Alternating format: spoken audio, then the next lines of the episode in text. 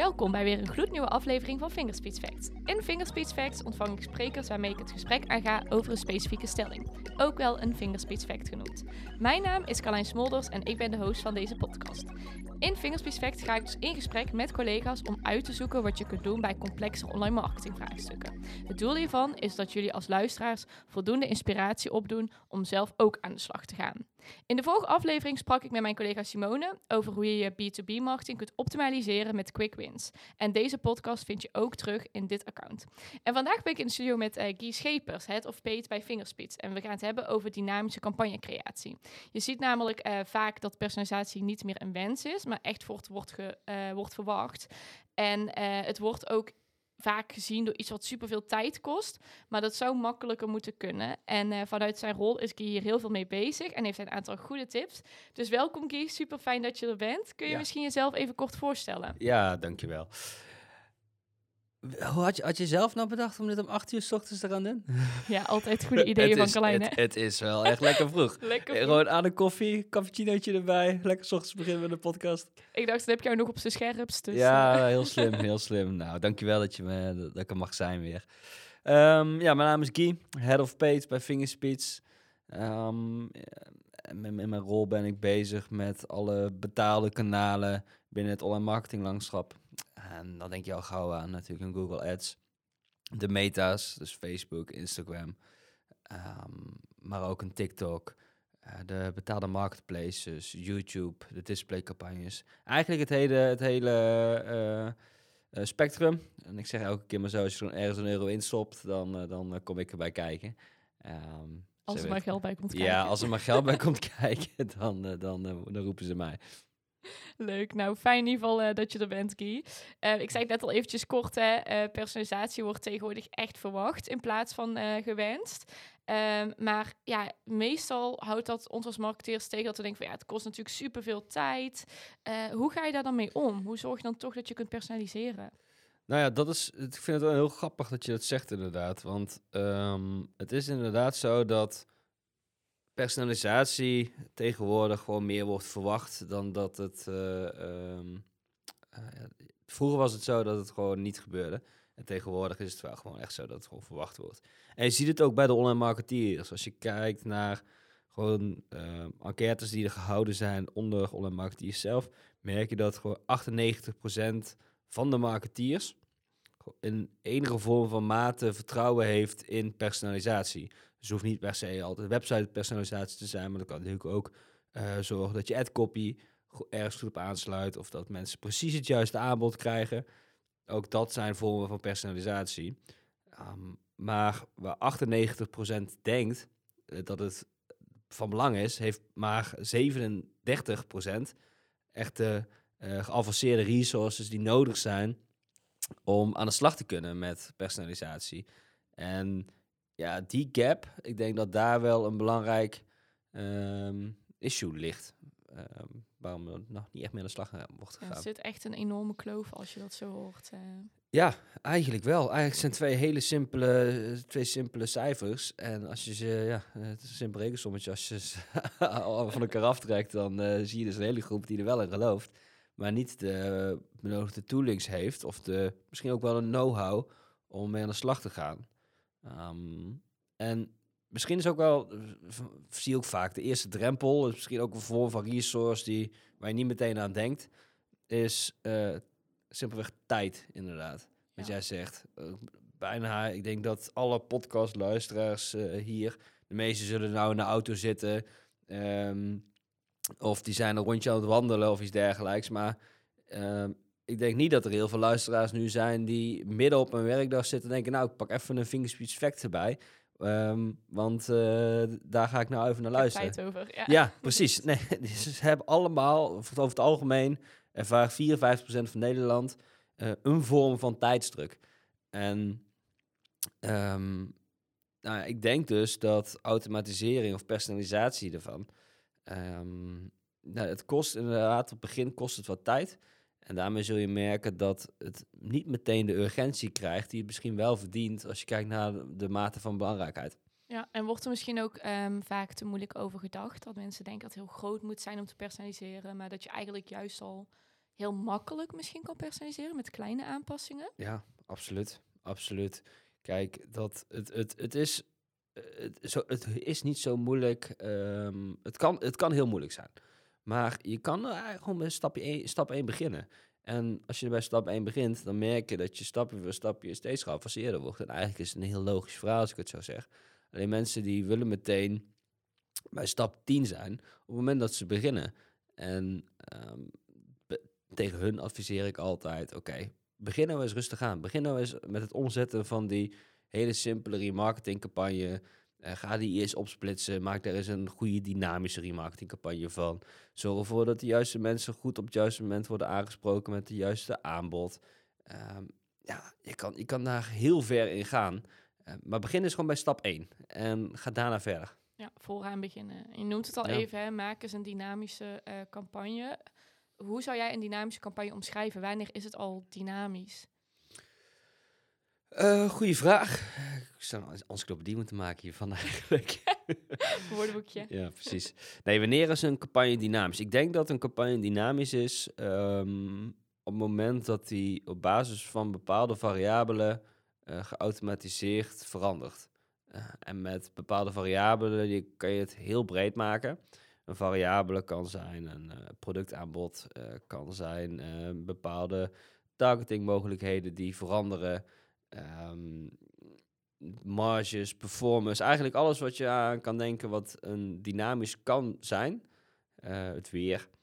Ehm, ja, als je op basis van die variabelen je campagnes automatisch laat veranderen, dan denk ik dat je met dynamische campagnecreaties bezig bent. Ja, dus kan echt ontzettend veel. ehm. Ja. Ik zou zelf heel makkelijk en heel snel gaan denken aan social. Van oké, dat zet je voor social in. Maar voor welke kanalen kun je dat nog meer doen? Ik denk dat social er één van is. Ja, kijk, social is inderdaad ehm, bij uitstek de kanalen waarbij dit heel gemakkelijk toe te passen is en heel eh, tastbaar meteen wordt. Maar het, het kan ook, het kan veel breder. Ik, wat ik net al zei, je, kan, ehm, je zou het op, website, eh, op de website zelf kunnen toepassen. Ehm, maar je kan het ook op Google Ads, eh, als je echt naar kanalen gaat denken, Google Ads of een Bing. Ja, daar is het ook gewoon mogelijk. Ehm, denk dat de meeste gevallen eh, eh, van nu vooral gebeuren bij Google Ads en een, en een Facebook en een Insta. Ehm, maar wat ik al zeg, je kan alle, alle kanten in. Ja, en het lastige van een podcast is natuurlijk dat je geen eh, plaatjes kan laten zien. Maar kun je bijvoorbeeld een paar voorbeelden beschrijven hoe je dat bijvoorbeeld op social hebt gedaan, hoe je iets dynamisch hebt gemaakt? Of eh, bijvoorbeeld voor Google Ads. Ik denk dat het wel leuk is om er een beetje een beeld bij te krijgen. Ja, is goed. Ehm zouden kunnen van alles verzinnen. We zullen eens gaan pakken. Oh, leuk. Wat is je favoriet? Kies er leuk uit. Oeh. Ehm, nou, zou ik eens een leuke uitkiezen. Ehm, nou, we zijn nu laatst zijn we, eh, voor Hubo aan de slag gegaan. Hubo is een, eh, is een bouwmarkt ehm, waarbij het de grootste focus heel erg ligt op het, ehm, het, het, het lokale aspect. Dus dat ehm, waar een, een Hornbach en een Gamma misschien wat, ja, wat meer landelijk eh, uitingen hebben eh, en wat gewoon wat meer hagel schieten, zie je bij een Hubo dat dat hele lokale eh, wel heel erg werkt. En vaak is de bouwmarktmanager is daar eigenlijk ook een soort van persoonlijke influencer van die, van die bouwmarkt. En iedereen gaat dan naar, eh, naar Kees en niet naar de Hubo. Nee, ze gaan naar Kees. Nou, ehm, met de eh, social kanalen die we eh, gebruikten, ehm, hebben we dat aspect terug laten komen door ehm, dynamisch foto's van de bouwmarktmanager ook dynamisch in te laden in de social post die we deden. En dan denk je ook, oké, nou leuk, eh, dan maak je, dan maak je één, eh, dan maak je één, eh, een bouwmarktmanager, eh, Ctrl-C, Ctrl-V, die plak je erin. maar we ehm, hebben het juist zo gedaan dat op basis dat alle foto's stonden in een eh, feed. En in die feed stond ook meteen erbij, oké, wat is dan de locatie? En we hebben dan specifiek die locatie getarget met een radius van, nou, zeg 5 tot 10 10 kilometer of zo. En in die straal zag je dan precies die bouwmarktmanager. En dan waren we in een uurtje of twee, drie, waren we daar eh, wel klaar met die campagne bouwen. Alleen, nou, eh, Hubo heeft volgens mij 240 ve- vestigingen of zo. Nou dan heb je in één keer 240 campagnes eh, er- eruit, eruit, eruit ge- geklapt, zeg maar. Eh, waar je normaal gesproken gewoon uren mee bezig was. Ja, was nu drie uurtjes klaar. Ja. Dus het hoeft niet veel tijd te kosten. Nee. Als je maar de juiste resources Nou, ja, hebt. het is echt heel cliché, maar automatiseren. Kijk, als je zegt dat de tijdsdruk, nou, waar we mee begonnen, heel veel mensen ervaren tijdsdruk. Nou, als ik tijdsdruk zou ervaren, zou ik in ieder geval eerst, al eerst eraan kijken naar het klusje wat het meeste werk kost. En dat is het maken van campagnes. Ja. Nou, dan eh, ben je vrij snel, heb je niet tijd. Dat is fijn. Als je daar al begint, dat je dan al een hoop tijd kan besparen eigenlijk. Ja. Eh, ja. Ja. Eigenlijk eh, lost het, eh, het, het probleem lost zichzelf op. ja. nou, dat moeten we hebben toch? Ja, inderdaad. Nou, mooi. En ehm, dat is echt een heel duidelijk social voorbeeld. Ehm, ik vind het zelf bijvoorbeeld lastig om dat voor me te stellen bij bijvoorbeeld Google Ads. Mhm. Heb je daar een concreet voorbeeld van? Ehm, nou, we hebben, stel je verkoopt eh, simpelweg gewoon producten. Dus je hebt een eh, gigantisch aanbod aan producten, want met, je, koopt, je koopt elke keer koop nieuwe zaken in. En ehm, nou, je voorraad verandert continu. Het is heel lastig om je voorraad op een heel stabiel level te houden natuurlijk. Nou, hoe fijn zou het zijn als je nou ehm, een lijst hebt met al je producten. En daar de voorraad erbij, de marges. En dat je gaat zeggen, hey, ik wil van die producten die ik nu het meest, die het best verkopen en ik het meest op mijn plank heb liggen, ja, daar wil ik eh, zo, meer, zo, meer, eh, zo- zo hoog mogelijke zichtbaarheid eh, creëren. Ja, dat, dat, kan, dat kan gewoon gerealiseerd worden in Google Ads. Dan ga je dus dynamisch eh, bijvoorbeeld searchcampagnes bouwen. En eh, laat je dus op basis van de voorraad of op basis van de marge, laat je eh, campagnes maken en nou, die geef je dan een hogere zichtbaarheid. Ehm, dat is een voordeel, maar je zou ook kunnen denken aan een, het aanbod wisselt gewoon heel erg. Dus er zijn ook gewoon regelmatig producten of uitverkocht of eh, bijna uitverkocht. En je denkt, daar, daar hoef ik niet meer mee te adverteren. Die gaan organisch ook nog wel eh, de, de, de deur uit. Ja, ehm, of gewoon het hele product zit eigenlijk niet meer in het assortiment. Nou, dat komt natuurlijk ook voor. Nou, als je gaat automatiseren, dan zorg je ervoor dat die automatisch niet meer meegenomen worden. En ehm, ja, dat is voor je foutmarge, foutgevoeligheid zoveel beter. Dus dat is een, een voorbeeld hoe je in search zou kunnen, en Google Ads zou kunnen gebruiken. Om te zorgen dat het altijd echt helemaal up-to-date blijft. eh. Ja. ja. Alleen dan het verschil is dat je bij een social kanaal denk je meteen, oké, hey, je kan met een plaatje werken, social, je pusht en je kan heel dynamisch inzetten. Alleen bij ads is het eigenlijk dat je of je productaanbod push je dynamisch of je, eh, je, zoek, je zoekwoorden, je zoekcampagnes push je dynamisch. Nou, daar zit eigenlijk het grootste verschil. Ik denk dat voor heel veel mensen social gewoon wat tastbaarder is. Ehm, maar ik denk dat eh, de, de ras echte SEA'ers, die, eh, die weten eh, de tooling wel te vinden. Daar gaan we wel vanuit. Anders Ja. dan kunnen jullie bij Guy terecht. Oké, nou klinkt in ieder geval alsof er echt heel veel mogelijkheden zijn, eh Guy. Zijn er nog bepaalde zaken waar je rekening mee moet houden? Of waar je aan moet denken als je hiermee aan de slag gaat? Ehm, ja, Ehm, garbage in is garbage out. Dat is eh, een spreuk die je... Wel bekend. Ja, je hoort hem steeds vaker. Het gaat over, het algemeen wordt hij voornamelijk gebruikt bij... ehm, als mensen het hebben over, ehm, over de nieuwe de data-gedreven algoritmes. Maar eigenlijk is hij ook wel over deze situatie heen te leggen. Dat als je een... Uiteindelijk wil je begin- moet je altijd beginnen met een feed. En een feed, dat klinkt super eng. Want dan denk je, oh shit, feed, hoe ziet dat eruit? Hoe werkt dat? Hoe maak je dat op? Wat staat erin? Help, het lukt niet. Nou, en dan bij je helpt, lukt niet, dat, daar haken heel veel mensen af. Maar een feed is in feite niks anders dan een lijstje met bepaalde variabelen. Dus dat kan een spreadsheet zijn, eh, dat kan een CSV-bestand zijn, eh, gewoon een directe eh, product feed vanuit de website die je importeert.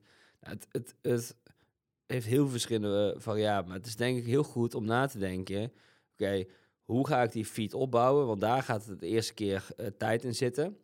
En hoe ga ik die dynamisch maken? En als je dat dan eenmaal hebt staan, ja, dan kan je verder. En het is daarbij heel goed om na te denken, ehm, hoe ga ik het tastbaar maken? Hoe ga ik het future-proof maken?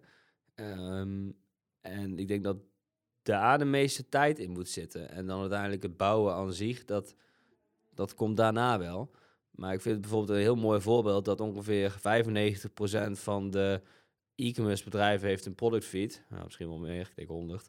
Ehm, maar 95% heeft niet de marge erin staan, of de inkoopkosten. Ja, die staan echt wel ergens. Die staan in een picker of die staan in een CRM-systeem. Ja. Alleen niet in de product feed.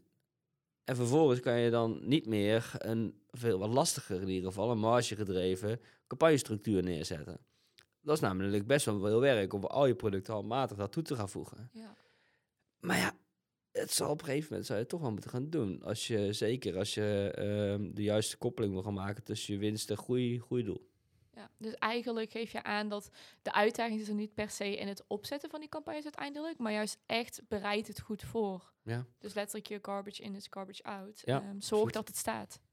Precies, zorg ervoor dat je weet hoe je iets gaat bouwen en wat je daarvoor nodig hebt. En ja, dat is in eh, bijna alle gevallen is dat gewoon een gedegen feed met de juiste informatie erin. Oké. Nou, Guy, we zijn alweer aan het einde van deze podcast. Zo goed. het gaat snel, zelfs op de vroege ochtend. Ja, ik eh, ga weer mijn tweede koffiedag eens pakken. Misschien tijd voor. Nee. nee. super bedankt. Ja. Ik eh, ben benieuwd, heb jij nog een allerlaatste tip, los van wat je net aangaf van die voorbereidingen, Mhm. die je graag wil meegeven aan de luisteraars?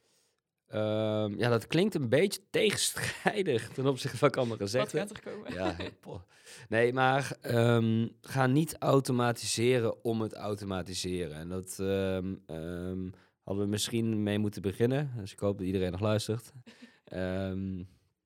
Maar ga niet automatiseren om het automatiseren. Want eh, dan schiet je je doel ook wel weer voorbij. Dus dat is denk ik wel, begin met een probleemstelling. En merkt, als je merkt van oké, mijn situatie waar ik in zit vraagt om een automatiseringsslag en vraagt om personalisatie. Ja, 100% begin eraan. Ehm, maar anders eh, eh, schiet je je doel voorbij, denk ik. Ja, dus doe het echt om de juiste redenen en begin bij het begin, Ja. eh, voordat je zomaar aan de slag gaat. Ja.